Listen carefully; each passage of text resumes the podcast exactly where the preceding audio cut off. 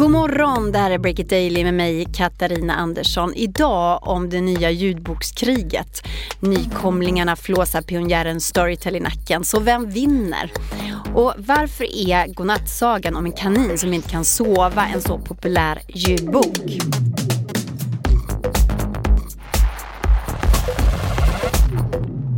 Det är onsdagen den 16 januari och vi har fått nya vanor i Sverige. Förra året så lyssnade svenskarna på 100 miljoner ljudbokstimmar och Sverige är ett av de mest ljudboksälskande länderna i världen. Här går ljudboken till och med bättre än i USA. Det här berättar Storytels VD Jonas Tellander för mig under bokmässan i höstas. Erik Wisterberg, hej på dig! Hej hej! Du, vi ska ju strax prata om ljudbokskriget. Yes. För det är ju inte bara Storytel som jagar nya ljudboksälskare. Men först så lite ljud från en av Sveriges mest nedladdade ljudböcker. Det låter så här. Just denna kväll somnade Kalle Kanins syskon ovanligt fort. Medan han nu fortfarande ligger och försöker att somna. Han låg och funderade på allt som kunde göra honom trött nu. Allt det där eh, Har du hört den här själv eller? Nej, det hade jag inte innan du berättade för mig ja, att jag skulle Jag lyssna har på ju hört den här varje kväll i ett halvårs tid ungefär och det här är ju en ljudbok som ska lära barn eller hjälpa barn att somna helt enkelt. Funkar det? Ja, alltså det funkar väl sådär. Jag tycker mina godnattsagor är bättre men det är rätt bekvämt. Men det var däremot den här författaren har lyckats med. Det här är ju en gammal eh, vanlig bok som har blivit en hit. Mm. Och det här är ju liksom den magiska nyckeln för hur man tjänar pengar i ljudboks-streaming-ekonomin. Ah, jag fattar. För att den här lyssnar man ju inte bara på en enda gång då. Utan Nej, alltså, kväll efter kväll efter kväll. Precis, i min app så har ju den här gått säkert hundra gånger. Mm. Och varje, som, som modellen funkar för ljudböcker så får den här författaren eller förlaget betalt varje gång. Och det här är en av Sveriges mest populära ljudböcker. Den här ligger just nu etta i barnkategorin på Storytel och den ligger faktiskt på fjärde plats av alla ljudböcker på Storytel som är ju är den största ljudboksappen i Sverige. Så det här är en superhit liksom som strömmas om och om igen mm. eh, varje kväll. Du, det stod här i en instruktion i den här boken. Ja, det finns en varning. Ja. Det står ju sådär eh, instruktion till läsaren. Läs aldrig den här boken högt i närheten av någon som kör bil eller ett annat fordon. Bra införsäljning där. Ja, för då kan man ju somna. Storytel är alltså ljudboksjätten i Sverige och pionjären i den här branschen. Men det finns ju också andra företag som kommer springande nu i backspegeln. Och det kommer att bli ett riktigt ljudbokskrig. Eller hur Erik? Du har granskat det här. Det är lite av en guldrush faktiskt. Bonnier har ju lanserat Bookbeat och så finns det Nextory som drivs av en entreprenör. Och båda de här växer med över 100% årligen och omsätter snart hundratals miljoner. Sen kommer det också en väldigt intressant spelare som kallas för Bokus Play. Det är den senaste utmanaren. Den lanseras av en riktigt tung spelare och det är ägaren till Akademibokhandeln, alltså de här bokaffärerna och även näthandeln för böcker, Bokus. Så de vill också in eh, och kämpa om kunderna. Och det är lite som eh, Spotify tänker jag att Daniel Ek och Martin Lorentzon, de var liksom pionjärerna som försöka övertyga en hel bransch om att den här streamingmodellen funkar.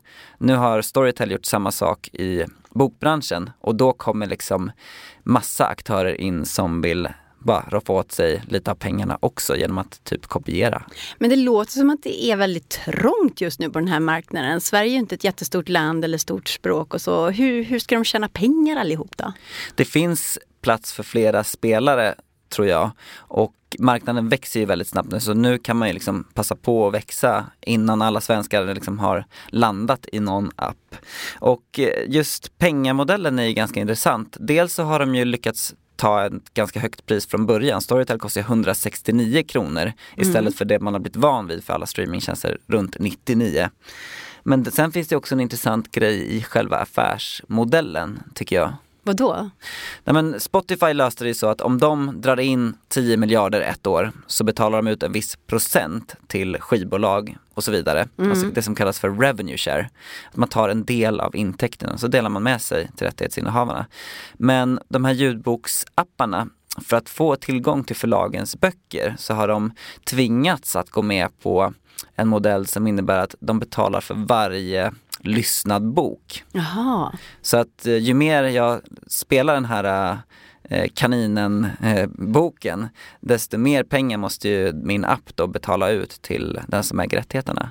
Men det som är spännande här som du säger, det är alltså att de här ljudboksförlagen, de kan då i teorin förlora pengar på, på de mest bokälskande och lyssnarälskande kunderna då? Ja precis, alltså på en enskild kund som liksom inte gör någonting annat än att eh, strömma ljudböcker dagarna i ända.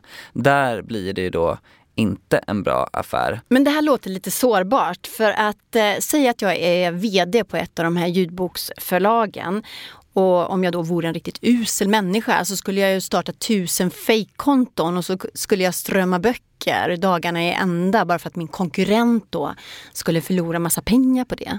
Ja, det går nog inte riktigt eftersom de här har inga gratisabonnemang utan du får ju pröjsa då för alla de här tusen abonnemangen. Ja, det, men ändå. Så men det skulle väl funka? Ja, det skulle bli en dy, väldigt dyr eh, form av krigföring. Men alltså problemet på riktigt, det skulle ju vara om konsumtionen helt plötsligt hoppar upp väldigt mycket i någon av de här apparna.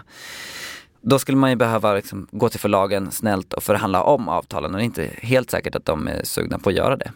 Okej, hur kommer det här sluta då? För rättigheter verkar ju vara den här stora killeshälen för många av de här affärsmodellerna.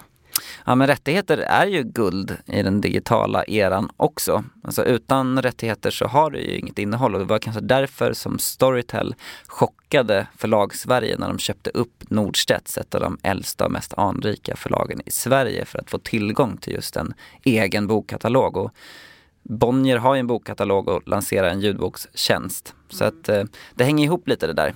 Så kommer du fortsätta att titta på ljudboksbranschen? Absolut. Och du lyssnar själv? Vad lyssnar du på nu? Eh, jag lyssnar på en, ett tips från dig tror jag.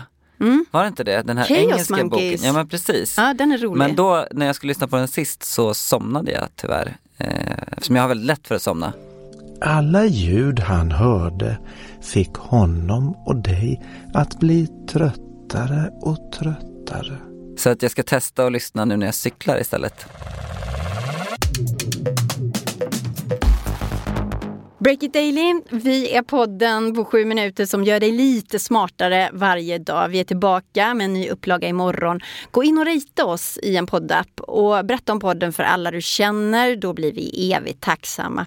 Och vill du prata med oss så gå in via Breakits sociala medier eller daily.breakit.se. Ola Aronsson är ansvarig utgivare och själv så heter jag Katarina Andersson.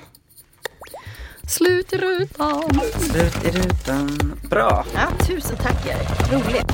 Tack själv.